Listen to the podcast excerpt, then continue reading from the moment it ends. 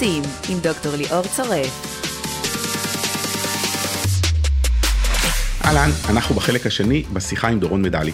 הפעם נדבר על מאחורי הקלעים בהרצאות. כמה מרוויחים מהרצאות, איך תקלה בזום הובילה אותו למצוא שיטה חדשה להעביר הרצאות וירטואליות, וגם כמה מילים על חלומות קטנים בדרך להגשים את החלום להביא את האירוויזיון לישראל.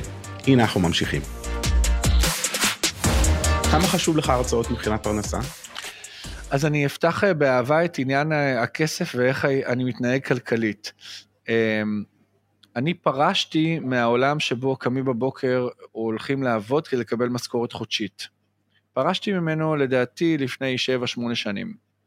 מהרגע שהבנתי שתמלוגים זה אה, נכס כלכלי אדיר שמפרנס אותי. אבל נסביר למאזינים והמאזינות שתמלוגים לא מקבלים כל חודש, זאת לא משכורת. תמלוגים מקבלים פעם ברבעון. זאת אומרת, דמיינו, אתם עושים משהו, ואתם ארבע פעמים בשנה מקבלים כסף. שוטף פלוס uh, רבעון. אבל זה אפילו לא שוטף פלוס, אתה יודע למה? כי אתה לא יודע כמה כסף אתה תקבל. אתה מתעורר, נגיד, אנחנו היום באפריל, בראשון למאי אני אתעורר בבוקר, אפתח את חשבון הבנק, ואראה כמה כסף קיבלתי מאקו"ם. עכשיו, עם הכסף הזה צריך להתחיל לעשות משהו. עכשיו, בדרך כלל, בתור, אני עצמאי מגיל 24, אז כאילו מי שעצמאי יודע שהשוטף פלוס זה מאוד קשה, ובדרך כלל הכסף שנכנס מכסה לך אחורה, והוא לא עוזר לך קדימה, אתה רק רודף אחרי עצמך. אז יש כבר תיקונים בחוק הישראלי שעוזרים לזה, עם חשבוניות עסקה, ושאתה מוציא חשבונית מס רק אחרי שאתה מקבל את הכסף.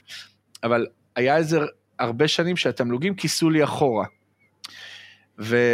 ולא היה לי משהו שנותן לי משכורת קבועה, ולכן אני הולך לעבוד לפעמים בכל מיני דברים שנותנים לי את המשכורת, אה, שתכסה את השכר דירה ואת המיסים, את השוטף. היום התמלוגים שלי כבר מפוזרים, מכיוון שאני מיוצג בהרבה אגודות ברחבי העולם, אז התשלומים, אני כמעט כל חודש מקבל תמלוגים מאיפשהו, ומצאתי שההרצאות הם כסף מושלם כמשכורת חודשית. אני כאילו מתכנת בהייטק, או משהו כזה. אני, אני באמת מרוויח עשרות אלפי שקלים מההרצאות, בחודשים טובים כמובן, והם אה, הם נכנסים לי כמו הכסף השוטף. שאיתו אני משלם את השכר דירה ואת ההוצאות הקבועות וכרטיסי אשראי וכל הדברים האלה. ואז הכסף של התמלוגים נשאר כסף של חלומות. אני תמיד אוהב להתייחס אליו כאל כסף. איזה שם יפה, כסף של חלומות. נכון, כי, זה, כי אתה יושב וכותב שיר בבית שלך, זה לא משנה כמה שירים יש לי, אה, וזה כבר קרוב ל-500, ולא משנה שאני וואו. כבר איזה 17 שנה כותב שירים. אתה כותב שיר בבית, הוא יוצא לעולם, ואתה משחרר איזה ציפור כזאת, הולכת לעשות את, ה, את משק הכנפיים שלה, והמשק כנפיים הזה מביא לך כסף. וזה כסף בהפתעה, אתה לא יודע כמה כסף. פשוט נוחת עליך, כסף מהעצים, מהשמיים. אז זה כסף שבא באווירה של חלומות, לא באווירה של מה שלימדו אותך. זה לא הצ'ק שאתה מקבל תמורת משהו ספציפי שעשית, אלא זה מגיע מאיזשהו מקום אלוהי כזה, אז כדאי גם להשקיע אותו בחלומות. איזה יופי, טוב, אני רוצה שנסיים בחלומות עוד מעט, אבל לפני זה, יש לך טיפ למרצים בתחילת הדרך, שאתה שומעים את הסכומים שאתה מספר ואומרים, וואו, זה, זה, זה לא יאומן, mm-hmm. ורוצים להצליח מבחינה עסקית, מה היית אומר להם? קודם כל, בליבה של העניין זה מה הסיפור שלכם, מה אתם מספרים, מה עשיתם בחיים ששווה את הסקרנות של לשמוע אתכם מדברים. אה, מכיוון שאני עצמי לא כל כך מוכר לכל אדם בישראל, בטח לא לארגונים שצריכים להזמין אותי. אני מיוצג במשרד של קרן אלוף, והבנות שעובדות שם, לא תמיד קל להן למכור אותי. לפעמים אני בטלוויזיה, אז אולי יותר מכירים, פחות מכירים, אבל בסוף אני בן אדם שכותב שירים, שמרצה על האירוויזיון גם. חברה אומרת, מה אני צריכה להביא לעובדים שלי עכשיו לשמוע על אירוויזיון? מי זה מעניין? ומי שנותן את הצ'אנס מקבל הפתעה מאוד גדולה. אוקיי? אתה, אתה מגיע במחשבה של, אה, טוב, מה כבר יכול להיות פה? ואתה יוצא בעיניים דומעות ואנרגיה של שיא, ואתה הולך הביתה ורוקד עם הילדים את השירים של האירוויזיון. אז אלמנט ההפתעה הוא מאוד גדול. מה הסיפור שלכם? כי הסיפור שלנו על האירוויזיון הוא באמת סיפור מאלף, שרק אנחנו יודעים לספר אותו ורק אנחנו יכולים לספר אותו. זה ייחודיות וזה ממש משאב אדיר שיש לי ביד, הסיפור הזה. ולמה אני מתעקש על זה כתשובה ראשונה? מכיוון שהמון המון, השוק הזה של הרצאות עכשיו כמובן עולה על, עולה על גדותיו. קצת כמו הקואוצ'רים של לפני כמה שנים, זה עולה על גדותיו. המון אנשים רוצים להרצות, אה, והתחרות היא שמי שינצח הוא זה שיודע לספר סיפור מדהים, ועניין המתודיקה. אוקיי? בסופו של דבר, כשאתה בא להרצאה של ליאור צורף, אתה חווה חוויה של מקצוען, שבאמת היה על הבמה של TED ולא בכדי, זאת אומרת, המקצוענות שלך לקחת כל נושא שהוא כביכול נושא, אה, הנושאים הטכנולוגיים שאתה מדבר עליהם, וגם נושאי חוכמת ההמונים, אה, אפשר בקלות להשתעמם מהדבר הזה, זה מאוד מאתגר. זה לא צבעוני כמו אה, אירוויזיון. ממש לא. זה לא צבעוני כמו אירוויזיון.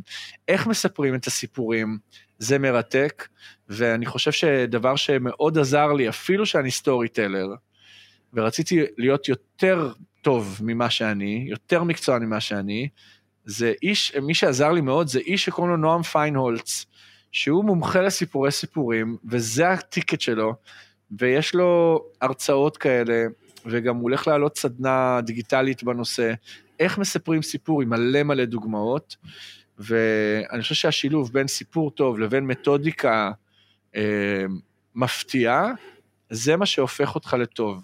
למה אני מתעקש רק על הנושאים האלה? כי ברגע שעשית פעם אחת, הפה לאוזן עובד בשבילך. ברגע שעשית פעם אחת, פעמיים טוב, וזה מצולם, כל הפלטפורמות הדיגיטליות לשירותך, אתה יכול לעשות פרומואים, אתה יכול לעשות מה שאתה רוצה.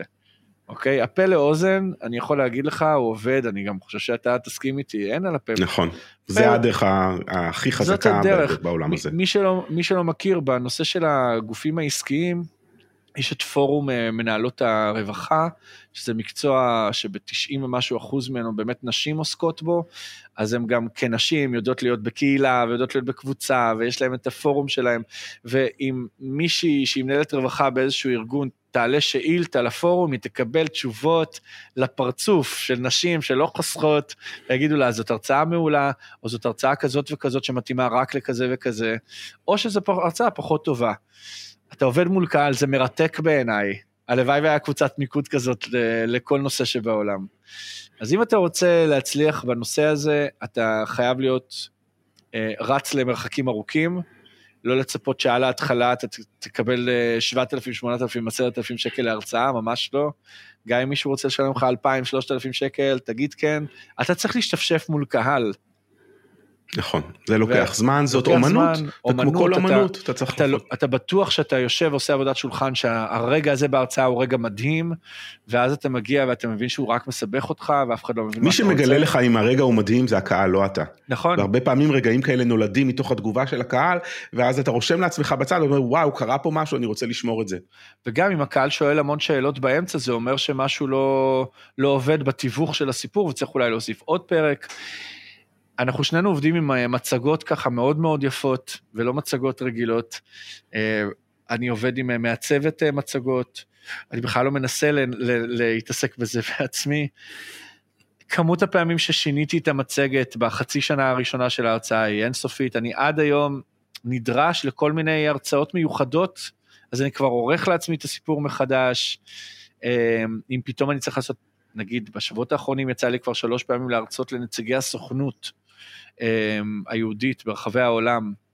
אז אני משנה את הסיפור בשבילם, אני לא יוצא מה-common sense. זה קהל מעולה, אני מת עליהם, מת עליהם, יואו, אתה יודע מה זה להרצות לנציגים וישראלים צעירים, הייתי איתם בניו יורק ואיפה לא, באירופה, והם פשוט לחבר, אתה יודע מה, זה גורם לי גאווה להיות ישראלי, שאני רואה את הניצוץ בעיניים שלהם יש מישראל. אז הכיף שלך זה שנסעת אליהם, ואני תכננתי לנסוע לעשות טור, כי זה מושלם לעבור בקהילות היהודיות, ברור. באנגליה, בארצות הברית, באמריקה. זה יחזור, זה יחזור, דורון, זה יחזור. אז עשיתי את הכל בדרך הזום, ועד שזה יחזור. אין דבר יותר מרגש מלספר להם ולתת להם זריקת עידוד על העניין הזה של ישראל, אבל אתה מבין שהסיפור שאתה תספר להם, וחלקם בכלל אה, לא חיו בישראל מעולם, אתה לא יכול להשתמש ב-common knowledge, אתה צריך לשנות את הסיפור. אז נכון. גם ההרצאה היא צריכה להיות מאוד דינמית, דווקא בגלל מהפכת TED, אז uh, יש לך הרצאה של שעה, אבל uh, מישהו עושה אירוע בקונספט של TED, אז אתה צריך לצמצם את הסיפור לרבע שעה. זה מרתק, איך אתה מצמצם סיפור של שעה לרבע שעה? אומנות הצמצום, בתור כותב שירים, אני קשה, אומר לך. מאוד קשה, מאוד קשה, וואו, זה קשה. אומנות הצמצום זאת האומנות האמיתית, מה חשוב צודק. באמת, איך מספרים סיפור נכון. באמת. נכון. אז העניין הזה מכניס לי מלא אקשן לחיים, מלא אקשן. תגיד, דיבר, סיפרת בהתחלה שהייתה לך תקלה של רבע שעה, אה, בוא נדבר רגע על השנה ההזויה הזאת, שנת הקורונה, הרצאות בזום ובכלל התמודדות עם תקלות. כן. איך, איך, איך זה קורה? תראה, ההרצאה שלי היא כל כך משמעותית uh, בלייב, כל כך חשוב שהיא תהיה בלייב, גם כי אני חי מקהל ומהאנרגיה הזאת, וגם אני, אתה יודע, אני נורא מצחיק אותם, ואני מרגש אותם, ורואים את הוידאו עם כולם ביחד, ושרים כולם ביחד שירים. ו... זה מאוד קשה לעבור לזום, ואני גם לא אוהב טכנולוגיה, אין מה לעשות. אנחנו הפוכים לא, מאוד. להבדיל, להבדיל ממני. כן, אבל אתה מרגש אותי, כי אתה ממציא לי כל מיני אתרים שאני לא מכיר, ושיטות שאני לא מכיר. אז נגיד זום, אז אני לא מסתדר עם הזום. אני גם, כזה הייתי מאוד מאוד מורד uh, כלפי המצב של הקורונה, אני, שכל המדינה הייתה בסגר, אני רק הייתי מטייל עם האוטו, ומסתובב, והולך לח, לעזור, לחלק חבילות. אני לא, לא מסתדר עם, הקונצפ... עם הסיפור הכללי, אני בדרך כלל אני לא מסתדר איתו, ואני ממציא סיפור חדש. אז לקח לי הרבה מאוד זמן עם הזום, ואמרתי, ראיתי הרצאות בזום, אמרתי, חברים, זה נורא נורא משעמם, זה לא יעלה על הדעת שמישהו משלם לי כסף ואני אצטרף לשיחת זום כאילו זאת ישיבת הנהלה, או כאילו זאת עוד שיחה של אגף. זה צריך להיות חוויה מאוד מיוחדת. ומכיוון שהמצגת שלי כבדה בגלל הרבה מאוד וידאוים, ברגע שאני עושה שיתוף מסך, עשיתי פעם אחת, זה נתקע. ואז הייתי צריך לאלתר וזה היה, אגב, מול הסוכנות, מול חבר'ה צעירים מניו יורק. וישבתי פה בבית, ומה שעשיתי, זה הלתרתי על המקום את זה שאת המצגת שלי אני אקרין מהמסך של המחשב הנייח, ועם הלפטופ אני אראה אותי ואת המצ... את, המ... את המסך מאחוריי. ממש כמו אולפן טלוויזיה קטן. קטן. ואז המצאתי את הפורמט של תוכנית טלוויזיה קטנה, מצאתי חלל בתל אביב שיש בו פלזמה ענקית, עם סאונד מדהים, וככה הייתי עושה הרבה מאוד הרצאות. שהמצלמה מצלמת אותי ומאחוריי מסך. לאורך השנה הזאת, אמ, חלק מהלקוחות כזה, כולם התרגלו לזה שהאיכות היא, היא לא משהו, אז כזה סולחים. אבל היו חלק מהלקוחות שאמרו שזה ביאס אותם, שפתאום נתקע להם הרשת ולא ראו את מה שהיה על המסך, וחבל, כי הם רצו לראות, כי הווידאו נורא מרגש. ו... נורא, אה, המערכת של קרן אלוף נורא התעקשה איתי שאני צריך להיות כמו כולם ולשתף מסך, ואמרתי, זה לא עובד. אבל הזום עצמו גם מאוד השתכלל בשנה הזאת, ומצאתי בחורה מדהימה שקוראים לה רוני עצמון, שהמציאה עסק בשנה הזאת, היא הייתה מדריכת טיולים, העסק שלה נסגר כי אין טיולים, אז היא אמרה, אני פותחת עסק יצירתי שקוראים לו המזמזמת. והיא מומחית לזום, קצת כמו הסדנאות שאתה העברת. אוקיי, כן, אבל... יש לי אחד גם כזה, נולד מקצוע כזה בשנה האחרונה. מקצוע. יש לי מפיק טכנאי זום איתי בהרצאות, בדיוק. שהוא דואג למיוט, אנמיוט, שיתוף, כל מה שצריך. אז רוני המדהימה עשתה לי אה, סדנה, ופתחנו את זה ביחד, ופתרנו את זה ביחד, והיא ליוותה אותי טכנית, ובעצם מה שאני עושה היום, זה להעלות משני מחשבים. אני פה בבית מקים לי עמדה, כי אין לי פסיליטי בבית כמו הפסיליטי שאתה יושב אה, בבית שלך ויש לך כזה, בנית אולפן בחדר. אין לי את זה, אין לי את היכולת הזאת בבית שלי. אמ, אז בעצם אני עולה לזום מהלפטופ שלי, משם אני מדבר עם האנשים, ואת המצגת אני מציג מהמחשב הנייח, ושני המחשבים מחוברים לזום, ושניהם co-host. ואז אני מלמד את, ה, את הקהל על העניין של ה gallery side by side speaker, ואז רואים אותי ואת המצגת uh, אחד ליד השני. החוויה המשתנה זה משהו שקרה בחצי שנה האחרונה. אז התקלה הגדולה ביותר הייתה ביום הראשון שהחלטתי שאני עושה את זה, ואז יצא שכל האינטרנט בערך ברחוב לא עבד, היה ממש בלאגן, ואז מיד הלתרתי, uh, ופשוט uh, הפעלתי רשת אה, סלול... מהרשת הסלולרית. חברת על הזום מהטלפון. אה, עשית הוטספוט. לא, עשיתי הוטספוט בדיוק. אגב, מה שהיה מדהים זה שההרצאה הייתה מול אה, אה, חברה טכנולוגית של בירות, וייסברגר, ושם איזה איש טכני אמר לי, אם האינטרנט בבעיה, פשוט תפעיל את ההוטספוט, שזה משהו שבחיים לא עשיתי. כי אני פשוט לא יודע לעשות דברים כאלה. הפעלתי, חזרתי לפלזמה הגדולה מאחוריי, ועשיתי, והם היו, זאת אומרת, אם לעשות תקלה זה מול הלקוח הזה, כי הם היו הכי חמודים, זה לקח רבע שעה. לנסות, לנסות, לנסות, לא להצליח להתנתק, אתה יודע, צריך להתנתק מהזום, ללכת להתחבר במקום חדש, להעלות את הזום עוד פעם, עם האינטרנט של הסלולר. הם היו הכי סבלניים וזאת הייתה אחת ההרצאות הכי טובות שלי בחיים לדעתי. אז uh, העניין הטכני הוא, הוא עניין, אבל עכשיו חזרתי להרצות uh, מול קהל, אין, איזה זה, כיף זה, זה, מרגש, אין, אה, אין, זה למות. באמת זה מרגש, תענוג, מרגש וואי. מאוד. אה, דורון יקירי, נסיים בנושא החשוב ביותר לטעמי. אה, וזה חלומות. כן, לא סתם הצלחת, לא סתם האירוויזיון הגיע לישראל. אה, באיזה גיל התחיל החלום הזה, ומה המסר שיש לך לאנשים שהרבה פעמים אנחנו מרצים להם, ויושבים באיזשהו משרד, והחלומות איפה שהם נעלמו להם. רק על זה עכשיו אפשר לדבר עוד שעה, אני מנסה לחשוב, אה, כי אני נדרש לנושא הזה המון. כי אה, הסיפור שלי הוא לא סיפור קלישאתי, אחרי האירוויזיון אתה מנסה להכניס את עצמך לקטגוריה, שעיתונאי שואל אותך, אז הוא אומר, אז בעצם חלמת על זה מילדות, כי מילדות עסקת באירוויזיון. אבל כשאתה ילד, ואתה שר שירי אירוויזיון ולומד אותם בעל פה, ואתה יודע להגיד דופווה ואפווה ודיפווה, אתה לא יודע שאתה תגדל להיות כותב שירים ואתה תנצח באירוויזיון. זה גם לא חלום, אתה לא אומר את זה בגיל 6, אני אנצח באירוויזיון. אין לך בכלל את החיווט הזה במוח שמאפשר אה, את הסצנה הזאת, לדמיין אותה בכלל. ואז אני אומר, דווקא בגלל זה הסיפור שלי מעניין, כי אה, ינקתי את האירוויזיון לתוך הוורידים ולתוך המוח, וכל המוח שלי התעצב סביב התחרות הזאת, גם בהקשר של הבנה בפופ ובמוזיקה קליטה, אבל גם בהקשר של גיאוגרפיה. אני יודע את מפת אירופה בזכות התחרות הזאת. יש לי רגישות לשפות, רגישות אמיתית לשפות דרך האוזן ודרך הפה בזכות התחרות הזאת. כי למדתי מילים כמו ג'יברי, שעד היום אני יודע לשיר שירים באיסלנדית, מבלי שאני יודע מילה באיסלנדית. אבל אם אני אשאיר את זה לאיסלנדי, הוא יבין מה נשאר. אז המון המון דברים שקרו לי בזכות התחרות הזאת, וגדלתי... אבל באיזה שלב שמת את הדבר ואמרת, הרי עשר שנים ניסית, אמרת נכון. זהו, זה החלום שלי, זה להביא את האירוויזיון לישראל. מתי זה קרה? אני חושב שעברתי את התהליך שקודם כל הצטרפתי לצוות כבמאי, ואז כשנכשלנו כבר ולא עלינו לגמר יותר, ב-2013 החלטתי שאני לא חוזר בלי שיר שלי. אז אם אני אומר משפט כזה, אני לא חוזר בלי שיר שלי, אז אני בעצם אה, נוטע זרע של פורענות במוחי, שעכשיו, כדי לחזור, אני צריך לכתוב את השיר שייצג את ישראל באירוויזיון. ואז, למה אני מתעקש איתך על זה? כי זה חלומות קטנים. אני לא אוהב את, ה, את אשליית החלום הגדול. אני אוהב חלומות קטנים וברי ביצוע. ב-2015 נפתחה הדלת אה, לעשות משהו מיוחד, ישבתי וכתבתי את גולדן בוי, הגענו לשם, השקענו את כל חיינו בדבר הזה, וגם אז לא ידענו שיש אופציה שנזכה, כי באנו כל כך חבוטים, אחרי ארבע שנים שאתה לא עולה לגמר ושאומרים לך אנטישמיות, אנטישמיות ואין סיכוי לזכות, ואתה רק רוצה לעלות לגמר ולעשות איזשהו אימפקט, ואז אתה מצליח לעשות את זה עם גולדן בוי. ובאותו רגע שעלינו לגמר, הבנתי שעכשיו אפשר להתחיל לחלום על השחייה.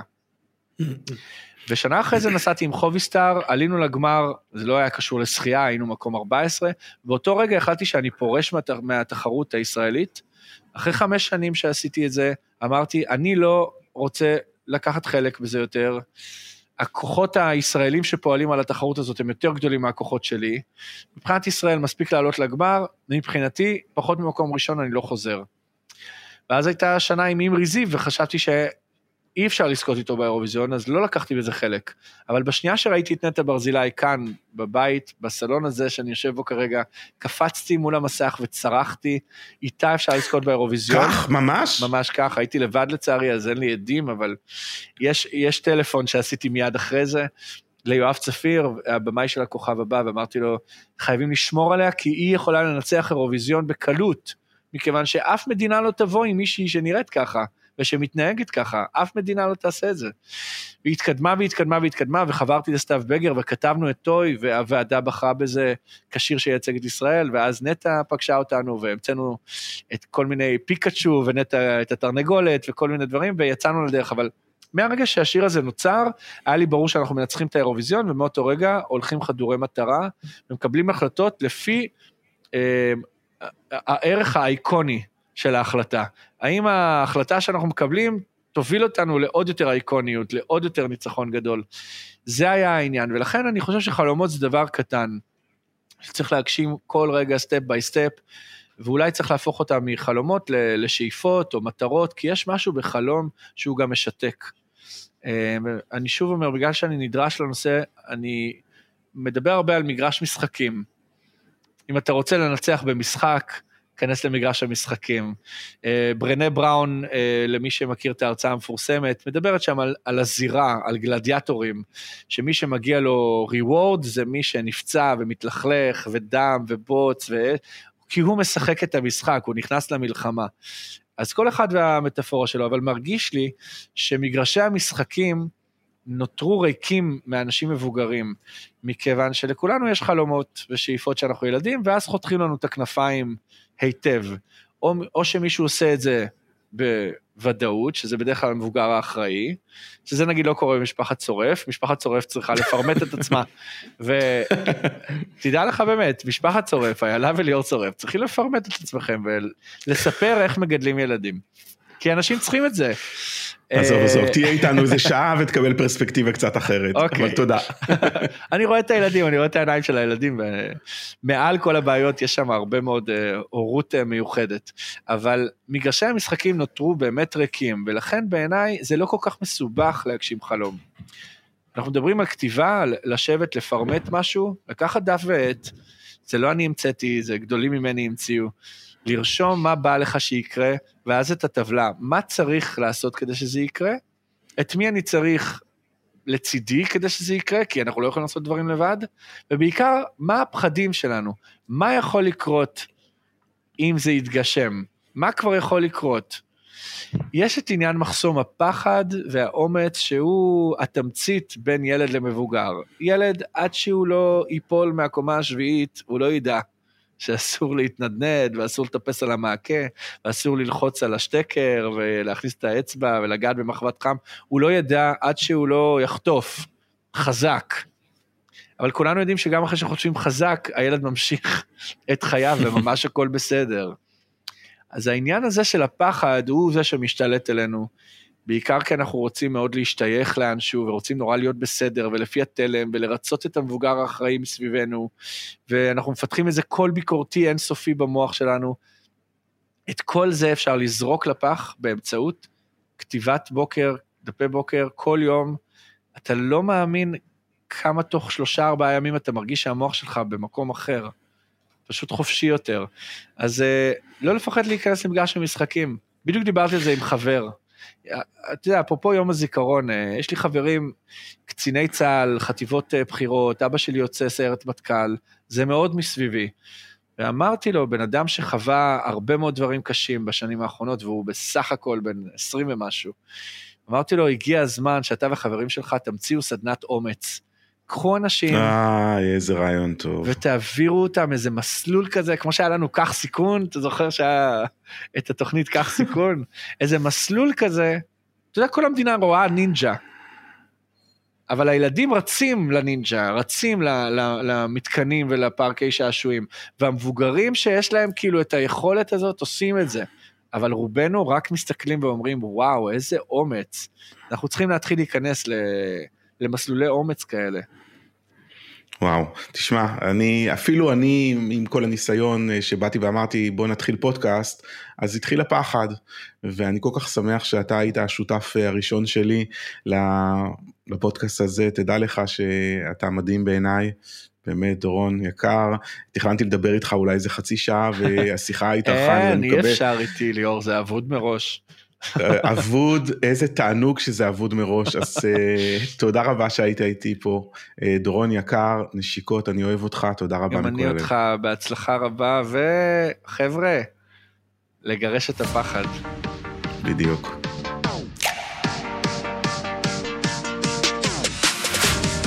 המרצים עם דוקטור ליאור צורף.